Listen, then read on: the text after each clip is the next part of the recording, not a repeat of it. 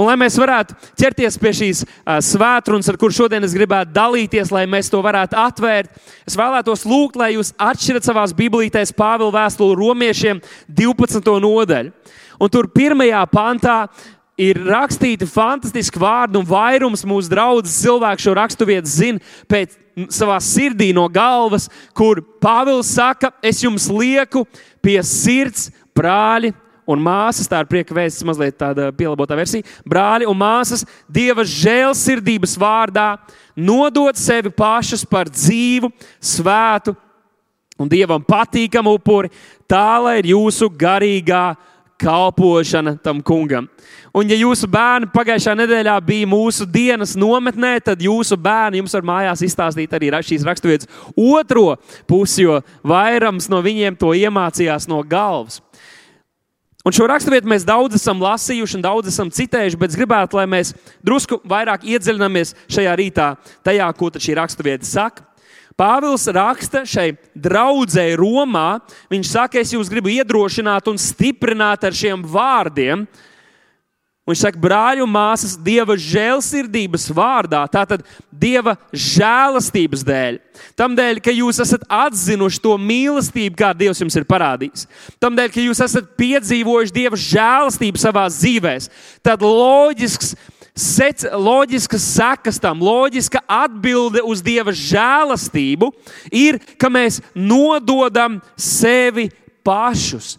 Un angļu valodas tulkojums šo raksturvietu nesaka tikai pašus, bet burtiski runā par mūsu miesu. Nododiet, ja prezentējiet, nododiet savu miesu kā dzīvu. Tas ir spēka pilnu, dzīvi baudošu un efektīvu, svētu dievam patīkamu upuri. Tā lai ir jūsu garīgā kalpošana. Un šeit garīgā vietā mēs oriģinālā tekstā varam var saskatīt, ka ne tikai garīgā kalpošana, bet tā ir loģiska, saprotama, samērīga kalpošana. Ko es cenšos jums parādīt, ka Pāvils raksta šai Romas draudzēji. Tie bija pagāni ticīgie, kas bija atzinuši Kristu Jēzu, un viņš viņiem raksta, ka tam dēļ, ka jūs esat atzinuši Dieva žēlstību. Tādēļ, ka jūs zinat, cik ļoti Kristus jūs ir mīlējis un Dievs jūs ir mīlējis un savu mīlestību uz jums parādījis. Tad loģisks secinājums, jeb loģiska kalpošana, kas izriet no šīs atklāsmes un Dieva pārdabiskā darba jūsu dzīvēs, ir, ka jūs vēlaties nodot sevi pašus par dzīvu, svētu un Dievam patīkamu upuri. Tas ir tikai loģiski, tas ir tikai saprotami, ka cilvēks, kurš ir piedzīvojis un atklājis dieva žēlastību, pēc tam vēlas nodot savu dzīvi kā svētu un patīkamu, dievam patīkamu upuri. Šis vārds svēts upuris arī varētu runāt par pilnīgu. Svēts ir pilnīgs. Kā gan mēs varam nodot pilnīgu upuri? Kad mēs atsakāmies no savas dzīves un mēs dzīvojam un ļaujam, lai Dievs dzīvo caur mums. Tas ir tas, kas notika pie krusta Golgātā. Tieši tas ir tas, kas notika, kad mēs uzticējāmies evaņģēlijam. Mēs saņēmām Kristus svētumu, jo Viņš tika darīts par mūsu grēku. Viņš kļuva par visām mūsu kļūdām, par visiem mūsu grēkiem, par visu. Vi, viņš uzņēmās visu sodu, ko mēs bijām pelnījuši uz sevis, lai mēs varētu kļūt par Dieva taisnību, lai mēs varētu dzīvot patiesi svētas dzīves. Cilvēcīgi tas nav iespējams, bet kad mēs padodamies un uzticamies un paslēpjamies Kristu, kad mēs nespējam dzīvot ārpus viņa, ārpus viņa vārda robežām, ārpus tā, kā Dieva vārds mums atklāja to, kā Kristus rīkotos, kā Kristus mūs ir mainījis. Tad mēs spējam nodot sevi par dzīvu, svētu, Dievam patīkamu upuri. Bet varbūt kāds no jums šodien uzdodat sev jautājumu, kam tad īsti esmu nodevies es? Tad šī raksturvieta, runājot katrs par sevi, Tad šī raksturvieta mums atklāja, ka mēs to varam uzzināt, kam esam nodevušies, paskatoties, ko dara mūsu miesa. Nododiet sevi dievam, nododiet savu miesu dievam par dzīves svētdievam patīkamu upuri. Paskaties, ko dara tava miesa, paskaties, kam ir nodevusies, kam tu esi nodevis savu miesu. Vai netaisnībai, meliem, pasaulē, pasaulīgām iekārēm, vai tieši pretēji dievam, taisnībai, ja tu vēlies saprast, kam tu esi nodevies šobrīd, paskaties, kam tu esi nodevis savu miesu. Bet šodien šo svētdienu es nosaucu pavisam vienkārši. Tas ir nododies pilnībā. Pabaigs kāds savu blakus sēdošo un ierakst. Un, un pasaki, nododies pilnībā. Jūs, kas skatāties mūsu tiešraidē, ierakstiet, es nododos pilnībā. Es nododos pilnībā. Iespējams, arī jūs kādreiz esat saskārušies ar kādu darbu, kas ir paveikts, bet jūs redzat, ka tas, kurš šo darbu ir darījis, nav nodevies šim darbam pilnībā. Bet ir izdarījis tā ķepu, ķepu, ķepu, ķepu. Tas kādreiz ir ar auto remontiem. Tu aizbrauc apskatīt, varbūt kādu mašīnu, ko tu grasies iegādāties, un tu redzi, ka jā, tur ir sists un it kā ir salabots, bet tas nav salabots labi. To kādreiz servisos vīri var ļoti labi pamanīt, kur var redzēt, ka kāds ir labi kaut ko salabojis un kur tieši otrādi. Tāpat tas var būt par jebkurām mūsu dzīves attiecībām, par jebkuru sfēru mūsu dzīvē. Mēs kā varam darīt to pareizo lietu un to, ko vienkārši vajag, bet ja mūsu sirds nav tajā, ja mēs neesam nodevušies tam, lai tiešām darītu to tik labi, cik mēs varam, tad tas sanāks ar šo grieķu valodas vārdu apzīmējams, tātad gala rezultāts ķepu ļepu. Pasakiet, nu, ķepu ļepu, lai es nejūtos. Es, man liekas, ka tas būs ļoti atsvaidzinoši ķepu ļepu. Un mēs neesam aicināti neko savā dzīvē darīt ķepu ļepu. Tādēļ Bībele saka, visu, ko jūs darat, darat Jēzus Kristus vārdā. Dariet tā, kā jūs darījat tam kungam. Ja tas, kas tev šobrīd ir jādara, vai tavā kalpošanā, vai tavā darba vietā, tavā skolā, ja tu to nevari darīt, nododoties tam pilnībā, tad droši vien vai nu tev ir jāpamaina tas, ko tu dari, vai jāpamaina savas prioritātes, jāpamaina tas, kā tu pret to attiecies. O, Dāvid, nododies pilnībā, kurš gan var pilnībā nodoties? Par to, lai mēs katrs varam spriest. Bet droši vien, ka jūs esat redzējuši, kādus rezultātus cilvēku dzīvēs atnes tas, kad mēs nomainām mūsu attieksmi un izlēmjam nodoties kaut kam, cīnīties par kaut ko. Cīnīties par kaut ko. Mūsu draudzē ir laulātie, kuri bija savu attiecību uh, laikā nonākuši, un iespējams, ka abi bija vainīgi pie tā, nonākuši ļoti bēdīgās, skumjās vietās, kur pasaulē cilvēki teiktu, jums vairs nav cerības, nav vērts vairs pat cīnīties. Bet kad viens vai labākajā gadījumā abi teica, nē, mēs cīnīsimies par laulību, mēs cīnīsimies par to, ko Dievs mums ir devis. Un kā mēs esam savienoti Dieva priekšā. Jā, varbūt mēs neiesākām labi un neturpinājām labi, bet mēs varam to mainīt šodien. Un mūsu vidū ir vairākas brīnišķīgas liecības par to, kā Dievs var no jauna salabot, dziedināt attiecības un dāvāt arī jaunu mīlestību vienam uz otru. Mēs dzirdam stāstus par vecākiem, kuri varbūt arī ir pieļāvuši daudz kļūdas attiecībā uz saviem bērniem, varbūt pazaudējuši attiecības, bet kas nododas un saka, nē, mēs nepieļausim, ka tas tā beidzas. Tas nebūs mūsu ģimenes stāsts. Varbūt, ka pusauģis gados un tev liekas, ka tev nemaz vairs nav kontakta ar savu bērnu, bet tu saki, nē, Dievs, es cīnīšos par savu bērnu, es mīlēšu savu bērnu ar pašaizliedzīgu mīlestību. Un mēs dzirdam liecības, un šajā nedēļā es grasos arī pārstāstīt mazliet kā liecību, kur Amerikā kāda sieviete nepadevās par savu meitiņu, kura dažādu apstākļu un iemeslu dēļ bija ieraudzījusi vai nodomājusi, ka viņa ir piedzimusi nepareizajā ķermenī. Viņa nepadevās par savu meitiņu, viņa cīnījās par to. Un viņa redzēja brīnišķīgu iznākumu, un šī meitiņa ikdienas vēl aizvien savai mātei atgādina un saka, es mīlu tevi.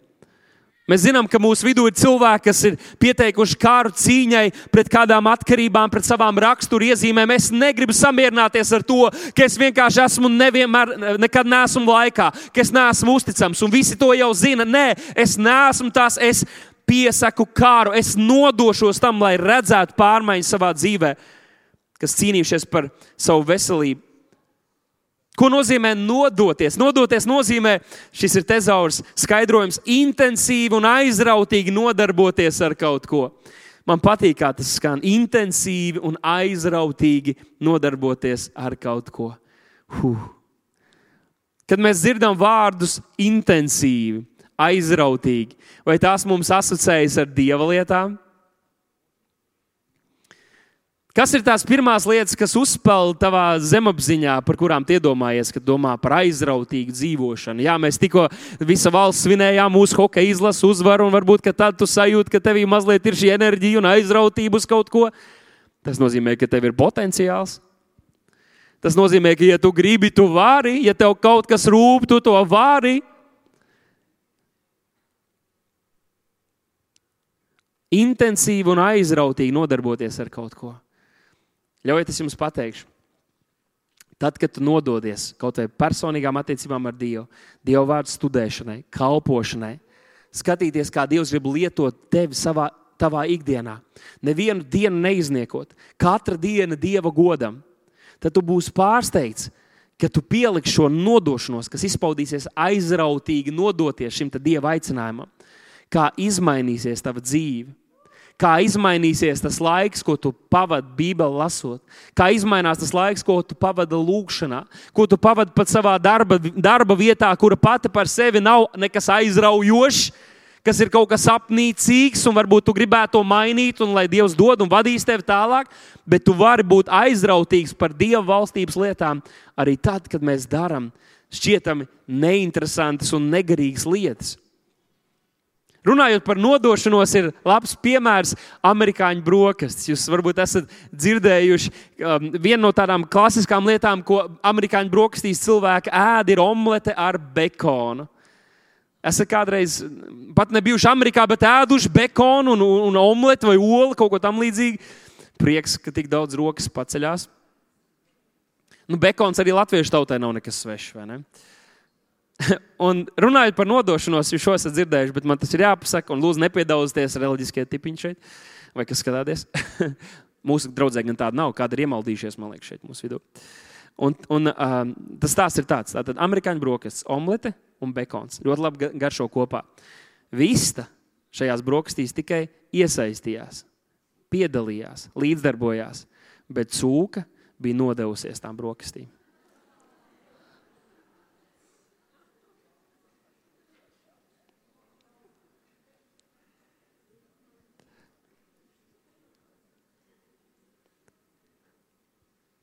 Mēs bieži draudzē runājam un aicinām iesaisties.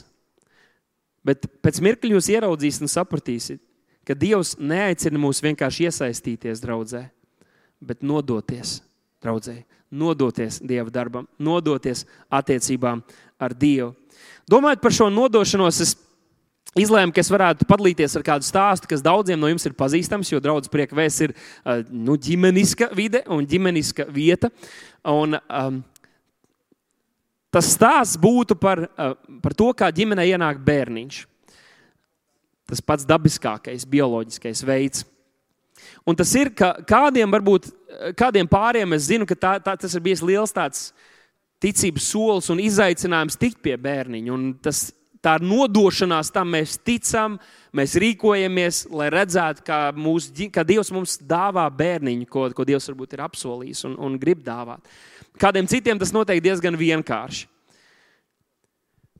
Bet tad, kad māmiņa saprot, ka viņa ir palikusi stāvoklī, ka viņas ķermenī ir, ir radusies maza dzīvība, un bērns, jeb mazulītis jau mācās miesā tajā brīdī, kad olšūna tiek apaugļota ar dzīvību, un tā ir svēta, un tā ir sargājama. Tas ir svarīgi, lai mēs to zinām un mēs par to stāvam. Tajā brīdī, kad māmiņa uzzina, ka viņa ir palikusi stāvoklī, viņas dzīve radikāli mainās. Grib vai negrib viņa to, viņai ir jānododas, lai gādātu par šo mazulīti, kurš ir pilnībā atkarīgs no viņas. Tas izraisa dažādas nērtības, kuras neviens, neviena arī sieviete, es domāju, labprātīgi negribētu uzņemties. Bet tam dēļ, ka nododa šim bērniņam, viņa ir spējīga to panest. Viņai jāierobežo lietas, varbūt, ko viņa ir radusi ēst vai dzert, un daudzas citas lietas. Un tad varētu teikt, nu jā, kad bērniņš ir piedzimis, tas arī ir tāda nērtība, un tur arī vajag nodoties, lai vispār to varētu izdarīt, vai ne, un lai bērniņš varētu nākt pasaulē. Un tad varētu domāt, nu jā, tu esi saņēmies, tu esi nodevies tam, un tagad jau viss būs kārtībā. Bet patiesībā, tad, kad bērniņš piedzimst, tad viss tikai pa īstam sākas. Cik daudz var apliecināt, ka tā ir? Māmiņas, lūdzu, palīdziet man. Es neesmu, bet es esmu dzirdējis. Man viena ir stāstījusi par, par tādām reizēm. Un lai šis mazais bērniņš izaugtu par atbildīgu, brīnišķīgu cilvēku, ir nepieciešams, lai vecāki nodotos audzināt šo bērnu, nodotos mīlēt šo bērnu, nodotos būt līdzā šim bērnam un ziedot daļu savu interesu, un vēlmu un vajadzību, lai parūpētos un uzaudzinātu šo mazo, mazo bērniņu. Šeit interesants piemērs arī, ka mazākais bērniņš, kas mūsdienās ir piedzimis priekšlaicīgi, un tomēr ir spējis izdzīvot 22 nedēļas. Tātad tas ir pusceļš, nākamā bilde. Tas ir pusceļš, līdz viņam bija jābūt gatavam piedzimt 22, 21 nedēļā. Bērniņš mūsdienās, pateicoties tiešām medicīnai, kas ir pieejama, ir spējis izdzīvot un attīstīties, kas ir vienkārši brīnums. Kas ir vienkārši brīnums. Bet tagad, domājot par šo nodošanos, savienosim to arī ar mūsu draugu redzējumu un to, kam Dievs mūs katru aicina. Mēs vēlamies būt mācekļi, mēs vēlamies darīt par mācekļiem, un mēs vēlamies redzēt, kā līdzcilvēki piedzīvo Jēzu, kā līdzcilvēki tiek glābti. Un kādreiz tas būs kāds cilvēks, kurš atnāks pie Kristus, kurš būs līdz galam sagatavojis, līdz galam 40, 41 nedēļu. Viņam jau sen bija jāpiedzimst. Viņš jau sen bija izlūgts, viss jau sen tur ir padarīts. Viņš atnāk pie Dieva, un viņš visam ir gatavs, viss ir brīnišķīgi. Viņš uzreiz var iesakņoties draudzē bez problēmām. Bet ļoti bieži ir tā, ka cilvēki atnāk pie Kristus, nu, ja tā var teikt, un tā varbūt nav precīza analoģija, bet mazliet priekšlaicīgi Kad atnāk cilvēks pie Kristus, bet viņam vēl aizvien ir, ir kaut kādas atkarības, ir problēmas, ir vajadzības, kur viņam vienam pašam nav iespējams izdzīvot. Tas ir viens no iemesliem, kādēļ ir vajadzīga draudzene un kādēļ draudzēji, kā organismam, ir jābūt dzīvam. Jo kā šis mazulīts 21. nedēļā, 22. nedēļā varēja izdzīvot tikai tam dēļ, ka viņam līdzās bija speciālisti, bija cilvēki, kas rūpēja un kas zināja, ko darīt un kā parūpēties par šo mazulīti. Tāpat draudzē var uzaugt un nostiprināties cilvēki, ja mēs katrs patiesi esam gatavi ne tikai palīdzēt viņiem piedzimt, bet arī palīdzēt viņiem nostiprināties, attīstīties, tikt galā ar dažādām problēmām, lietām savā dzīvē. Un, protams, ka šo ilustrāciju mēs varētu lietāt, lietot uz daudzām citām mūsu dzīves sfērām, par kādiem sapņiem, mērķiem, varbūt kāda kalpošana, ko Dievs ir ielicis tavā sirdī. O, es gribētu kalpot atkarīgiem, es pats esmu uzvarējis kādu atkarību. Nu, klausies, ja tu pat neļaus, lai šīs sapnis, lai šī vīzija, lai tā attīstās tevī, tad tu nekad nespēsi parūpēties un darīt un ieiet šajā kalpošanā, kur Dievs tevi aicina. Bet visam pāri jūs zinat, ka Dievs un Bībele mūs aicina nodoties Kristum. Un tas ir tas, ar ko mēs iesākām romiešiem 12. Un tāpēc es gribētu šodien šajā dievkalpojumā padalīties ar trīs tādiem līdzjošiem efektiem vai trīs līdzjošām zīmēm, kas notiek mūsu dzīvē, tad, kad mēs patiešām izlemjam nodoties Kristum un sekot Viņam.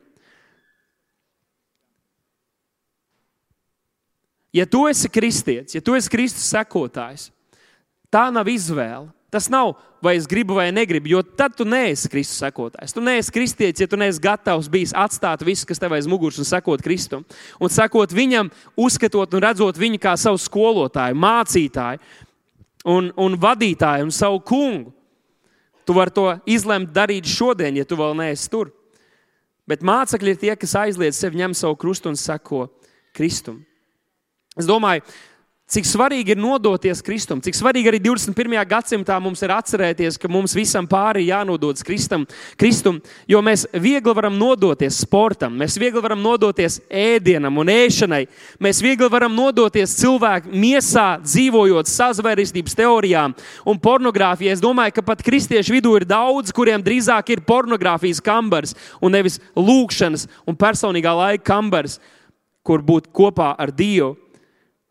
Nē, esi nosodīts šodien, bet tu vari šodien izlemt atstāt savu grēku, atstāt šīs pasaules un iesīgās lietas un patiesi nodoties Kristum.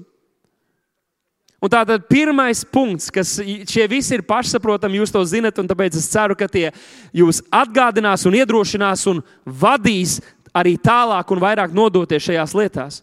Pirmais, Tātad līdzējošā zīme, ja pirmais rezultāts tam, kad mēs patiesi nododamies Kristum, ir, ka mēs arī nododamies personīgām attiecībām ar mūsu kungu un glābēju Jēzu Kristu. Ja tev nav attiecības ar Jēzu Kristu, iespējams, ka tev nav glābēji. Kāpēc es esmu tik drošs runāt par šīm attiecībām? Nu, paskatieties dažādus attēlus, kā Bībele mums parāda šo mūsu saikni un saistību ar Kristu. Nu, piemēram, avs un gans. Gans nav gans, ja viņam nav avis. Avs jau pati par sevi var būt avs, arī kaut kur aizklejojos prom, bet viņa nebūs drošībā. Viņa ir radīta, viņa eksistē, lai būtu drošībā un būtu gana uzraudzībā. Avs un gans. Jēzus teica, es esmu labais gans. Ja viņš ir labais gans, un mēs esam avs, mēs gribam dzirdēt viņa balsi, mums jābūt viņam tuvu. nu, vēl viens ir skolotājs vai meistars un māceklis. Tas vispār nav iespējams bez tuvām attiecībām. Šodien varbūt mūsu populārajā vidē, kur ir dažādas um, aizvietojošas tehnoloģijas parādījušās, kur tu vari sēdēt mājās un klausīties attālināti, it kā var šis, ka tas pat nav vajadzīgs attiecības.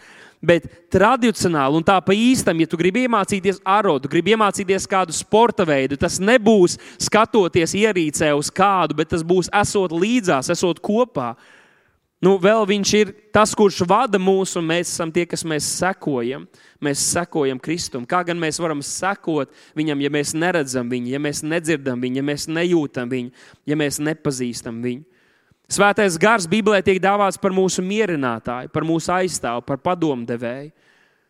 Kā gan visas šīs īpašības un, un, un, un prakses, kā šis, visas šīs brīnišķīgās kalpošanas viņš var veikt, ja, viņš, ja mēs nelaižam viņu tuvu mums. Ja mēs turamies, ja mēs gribam būt Dieva bērni un kristieši, bet mēs nevēlamies, lai Viņš ir tuvu mums un mēs būtu tuvu Viņam. Tas nav iespējams bez attiecībām. Pasakā kādam savam blakus sēdošajam, tas nav iespējams bez attiecībām. Tu vari teikt, ka jūs esat labākie draugi, bet, ja jūs neesat satikušies pēdējo mēnešu, pusgadu laikā, droši vien, ka jūs neesat labākie draugi.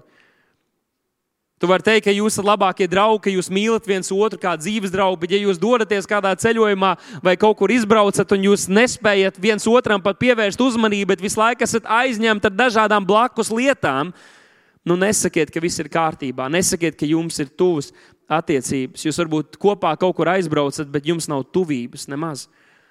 Pāvils pirmajā vēstulē korintiešiem rakstīja, Dievs ir uzticams. Viņš ir tas, kas jūs ir aicinājis sava dēla, Jēzus Kristus, mūsu kunga, un tagad palīdziet man sadraudzībā.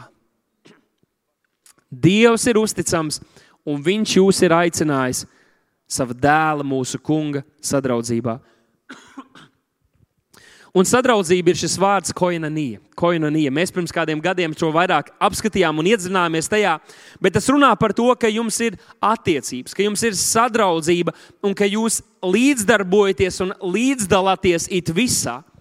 Tas ir tas, par ko jau es iepriekš runāju. Kristus ir dāvājis visu savu pilnību, un mēs viņam dāvājam visu savu atlikušo dzīvi, savas iespējas, savu nākotni. Mēs to nododam viņam, un tur veidojas šī ciešā saite, ko mēs varētu saukt par sadraudzību, kur mēs varētu saukt par mīlestību vienam uz otru. Turpat drusku vēlāk, Korintiešu vēstulē, Pāvils saka, ka tad, kad mēs atsaktām sejām, redzam Dieva godību, mēs tiekam pārvērsti viņa līdzjūtībā, tas ir kaut kas, ko dara Dieva darbs. Un ļaujiet man pateikt, ka kādreiz jā, mums ir vienkārši jāparāda raksturs. Ej, es gribu paklausīt Dievam, es negribu turpināt rīkoties tādā un tādā veidā. Bet ļoti daudzas pārmaiņas un daudzas labas lietas mūsu dzīvē izriet, un tām vajadzētu nākt tieši caur to, ka nevis mēs tik stipri pieliekamies, bet mēs tik stipri padodamies kad mēs tik stipri padodamies un meklējam viņu, nododamies, lai redzētu, atzītu viņu, iepazītu viņu, tad Bībele saka, ka jo vairāk mēs viņu atzīsim un vairāk mēs viņu redzam, jo vairāk mēs mainamies viņa līdzjūtībā. Tāpēc Jānis teica, tāds kāds viņš ir, tāda arī mēs esam šī pasaulē. Bez attiecībām ar Dievu tas nenotiks. Ja mēs mēģinām izspiest no sevis dievbijīgu dzīvošanu bez tā, ka esam savienojušies ar dievbijības autoru, ar pašu dievu, mēs varam kļūt par reliģiskiem, noraidošiem, kritizējošiem cilvēkiem. Bet kad mūsu svētdzīve, mūsu dievbijība izriet no tā, ka esam atzinuši viņu, kad esam meklējuši un tuvojušies viņam, tad mēs paši baudām, un arī apkārtējie baudīs šīs radikālās pārmaiņas, kas notiks mūsu dzīvē. Un ļauj man te pateikt, nu, varbūt tev ir problēma laulībā. Varbūt tev ir problēma tavā darba vietā. Iespējams, ka ir kāda mūsu vidū, kas tu esi no darba vietas uz darba vietu, no darba vietas, darba vietas, visur tu nesaproties, visur apkārt liekas, ka cilvēki ir vainīgi, kaut kas nav kārtībā. Pirmkārt, iespējams, ka vaina ir tevī, ja tas visu laiku ar tevi notiek. Un atslēga nav vienkārši tā, ka ko es daru nepareizi, tagad es darīšu citādāk. Mums, kā Dieva bērniem, ir, mums ir cheat codes, mums ir īsākais ceļš, mums ir slepenā, slepenais risinājums. Un tas ir, ka mēs meklējam viņu. Nebaidies arī doties savā mājās, ka tu esi atkal kļūdījies un bijis salauzts, un nevis sev pārmest, bet Kristus ceļiem Dievu priekšā un teikt, Jēzu, man vajag tevi. Es lūdzu, es kļūdos, es izgāžos. Man vajag vairāk tevis. Atklājies man. Atklājies man, kungs, Jēzu. Un tad ņem Dievu vārdu un lasa, saka, svētais gars runā uz mani, parāda man jēzu, parāda man jēzu, atklāj man jēzu, grib atzīt tevi, kungs. Un, draugi, tas mūs maina. Tas mūs maina. Tas saucās bezpiepūles pārmaiņas. Halleluja! Cik daudz jūs esat baudījuši to, ka jūs esat citādāki? Jūs esat citādāki. Es arī to esmu baudījis. Un manā dzīvē ir lietas, kur man vajag parādīt raksturu un teikt, nē, es to nedarīšu vairs. Bet ir tik daudz, kur tas vienkārši tās nastas krīt pašas. Tās nastas krīt pašas, jo tu vienkārši kāp tajā kalnā. Kāp tajā kalnā un redzi un baudi, cik viņš ir labs. Un tikmēr, kamēr mēs padodamies, padodamies Dievam, paceļam savus rokas, atveram savus sirds, svētais gars kā ķirus. Uak! Tik griež nost, griež nost. Atcerieties, mums pirms kādiem gadiem bija tāda izrāde, kur mēs ar Gitu, un, ja nemaldos, dāvi, mēs veid, rādījām to izrādi par, par, par uh, kalēju. Un, kad tu stāvi un, au, nav patīkami, au, nav patīkami.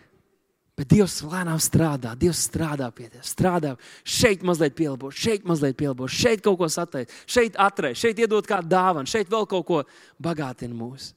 Halleluja! Nu, jūs vēl aizvien kādi esat skeptiski, izklausās pārāk labi, Dārvid. Mēs vienkārši meklējam Jēzu, mēs kļūsim aizvien labāk, mīlošāk, veiksmīgāk, veiksmīgāk un gudrāk. Tā tas ir. Apstākļu darba 4. nodaļā, 13. pantā rakstīts par apstuļiem, par Pēteru un Jānu, kad viņi redzēja Pētera un Jāņa drošsirdību. Viņi saprata, ka tie ir nemācīti un vienkārši cilvēki. Es arī esmu tāds nemācīts, vienkārši cilvēks. Nu, bišķiņas es mācījos, bet es nebiju pārāk labs skolā.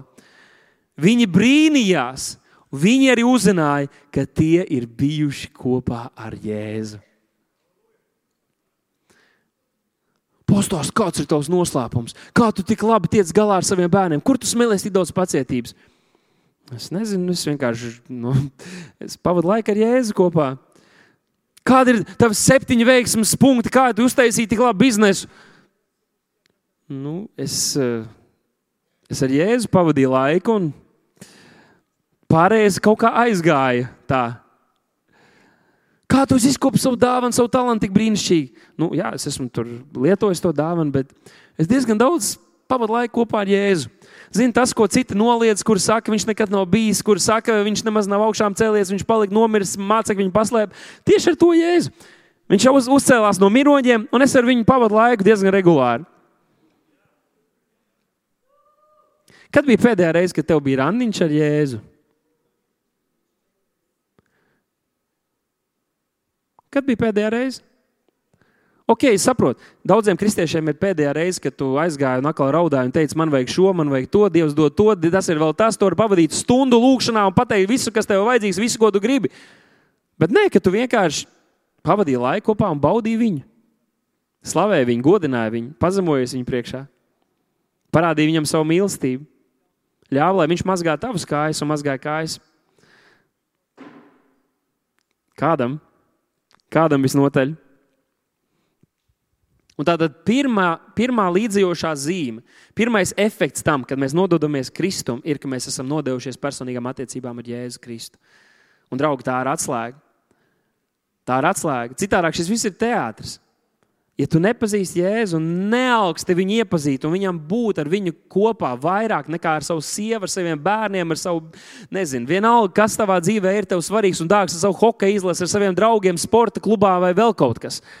Kaut kas nav kārtībā. Tev šodien Svētais Gars aicina nododies Kristum no jauna un radikālā veidā nododies pilnībā.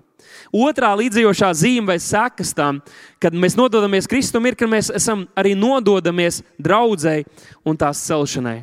Mēs nododamies draudzēji un tās celšanai. Jo Jēzus gatavo savu draugu, un viņš nāks pakaļ savai draudzēji. Bet es esmu draugs. Nu, no vienas puses, jā, no otras puses, īsti nē. Draudzene runā par kopā būšanu. Šis vārds draugs, kādu mēs atrodam Bībelē, runā par sapulci. Tā ir kopā sanākšana. Mēs katrs esam miesas loceklis, bet neviens no mums neesam visa miesa. Neviens no mums neesam tas, kur Jēzus saka, jūs visus atstāšu, jūs visi prom, re, kur ir mana draudzene. Vismaz viena pildīga līga var gaidīt, es nākšu tev pakaļ. Nē, mēs kopīgi esam.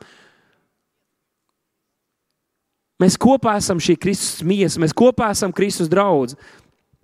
Un Un, kad mēs nododamies Kristum, tad mēs nododamies draudzēji un tās celšanai. Un, ja, ja, ja man tas jāpasaka, ir, ja tu, ja tu uzskati, ka tu tuvojies Jēzum, bet tajā pašā laikā tu tiec atrauts, attālināts no draudzes, no veselīgas draudzes, tad kaut kas nav kārtībā. Tu esi pievilcis. Tu esi pievilcis tādā gadījumā. Jo, ja mēs nododamies Kristum, mēs arī nododamies viņa draudzē. Matei 16, 18. Jēzus teica, uz šīs klints, uz šīs atklāsmes par to, kas viņš ir, par to, kas Jēzus ir. Ka viņš ir Dieva dēls, kurš nācis, miris un augšām cēlies, lai glābtu pasauli no šī Dieva soda. Viņš saka, es uz šīs klints gribu celt savu draugu, palīdziet man! Un ēles vārtiem to nebūs uzvarēt. Mums pieder uzvara mums pieder uzvara. Draudzene nav organisms, kuram tikai jāaizsargājas no visādiem demoniskiem spēkiem un vēlniem. Nē, nē, nē, nē tu nenāc šitajā mūsu mājā. Bērzauns iela seši, nē, šeit vēlns nevar nākt. Nē. Mēs izējām katru Mēs izējām katru nedēļu, kad mēs šeit esam atnākuši, lai svinētu uzvaru, lai, lai tiktu stiprināti, lai saņemtu apustulisku mācību. Mēs izējām, un visur, kur mēs ejam, mēs iznīcinām vēlna darbus. Visur elle, nāve, visādi demoni spēki atkāpjas. Halleluja! Bet mūsu tulkojumā ir teikts, ka, ja jūs sakat, es gribu celt savu draugu, un kāds varētu teikt, bet nu nesanāk. Bet Latvijā nevar. Pasties, Amerikā, jā, Brazīlijā, jā. Ukrainā tagad, jā, Latvijā nekas nenotiek. Hei, ļaujiet man jums pateikt, ka patiesībā Jēzus tur nesaka, es gribu celt, bet viņš teica apsolījumu.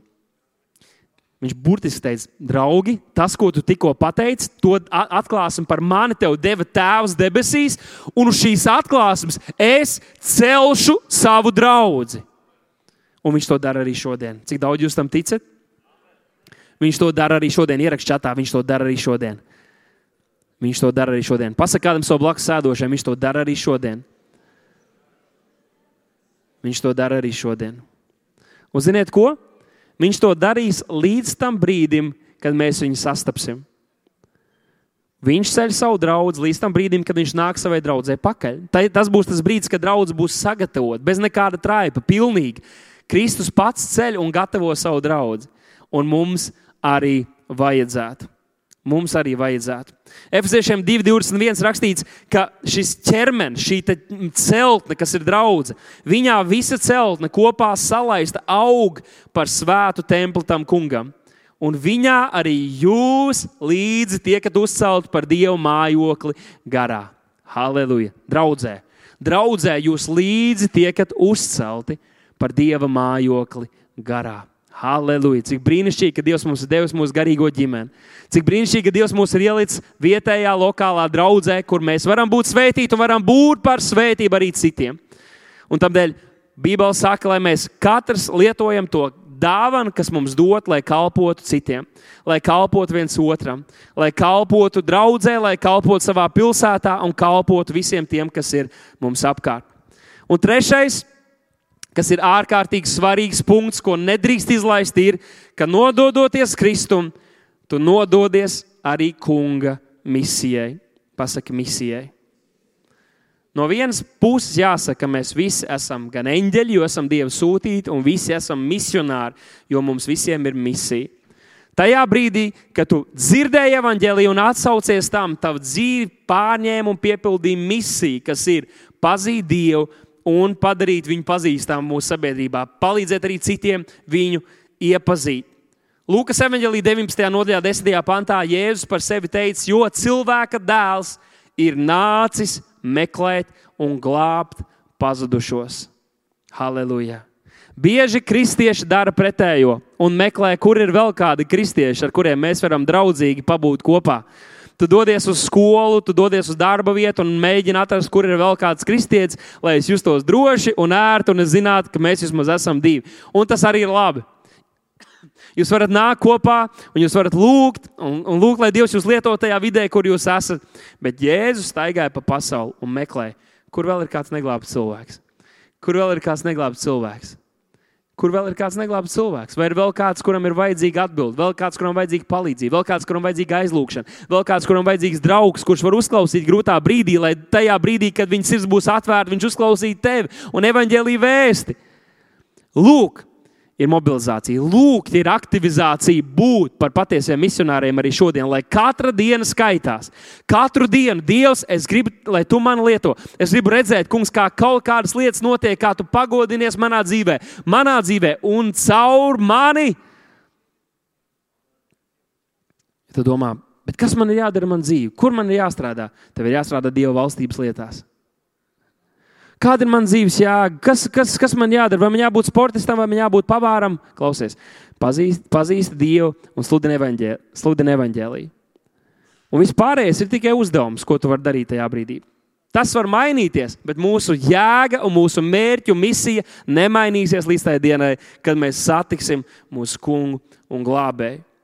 Un tātad Jēzus mums parādīja piemēru. Viņš rādīja un teica, ka tam, kurš ir kalps, tam, kurš ir māceklis, pieklājas, un pieklājas, ka viņš kļūst tāds kā viņa kungs.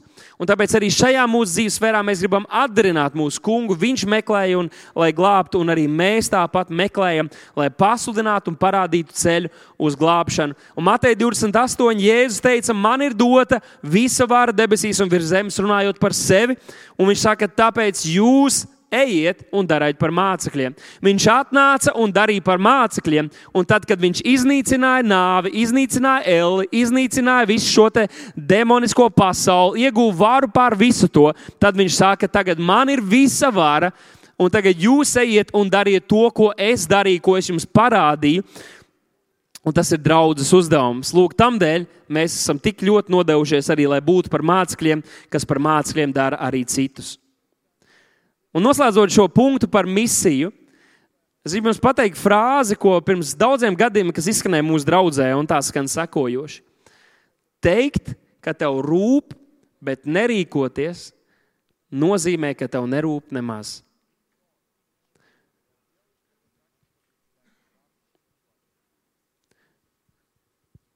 Teikt, ka tev rūp tavi bērni, teikt, ka tev rūp tavs dzīves draugs, teikt, ka tev rūp tavi kaimiņi, tavi darba kolēģi, bet neko nedarīt lietas labā.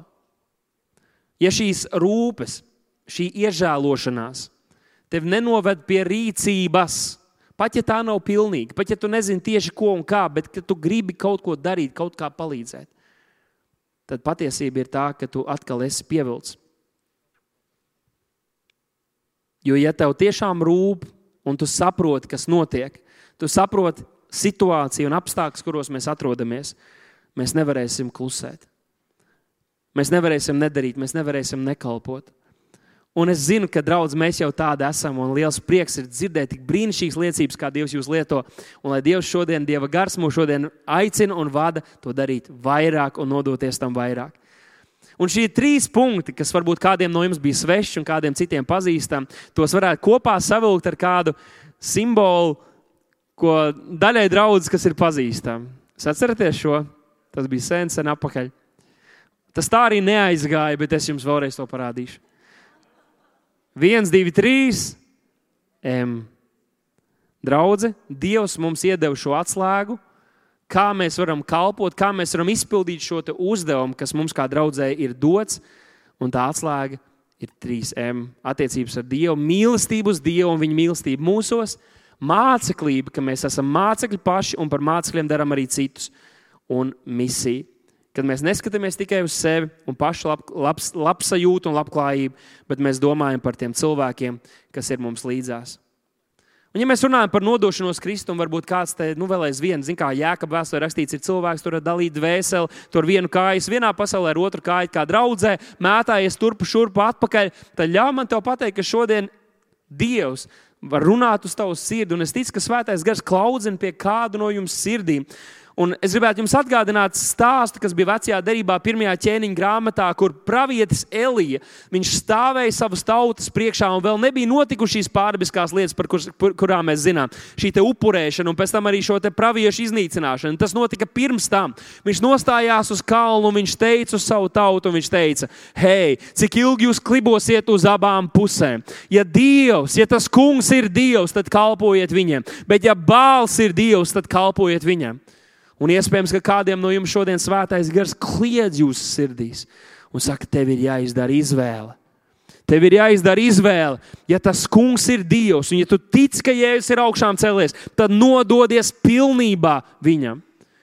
Bet ja tu netici tam, un ja tu tici pasaulē, ja tu tici, ka mierinājums un piepildījums ir pasaulē, un ka nekas arī tālāk nebūs, un ka šis viss ir tukšība, tad nododies tam rāmdenie tiks izspļauti, vai nu iededzies, vai nu izdziest pavisam.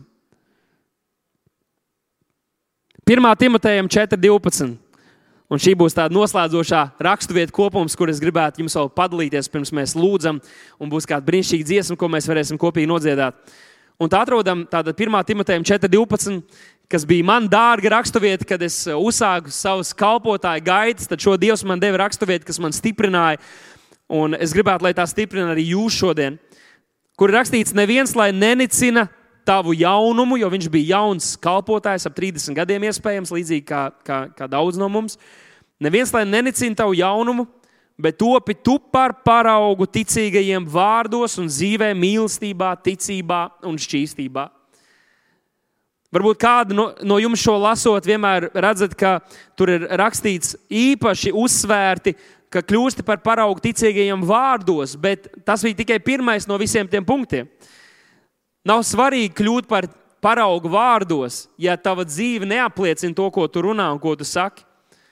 Nē, viņš saka, kļūsti tu par paraugu ticīgiem vārdos un dzīvē, mīlestībā, ticībā, šķīstībā. Un šodien es gribētu uzrunāt jūs, draugs. Nav svarīgi, vai tu jūties jauns, vai tu esi jauns, vai tu jūties jau gados, vai varbūt, kad jau esi sirmgals, pensionārs.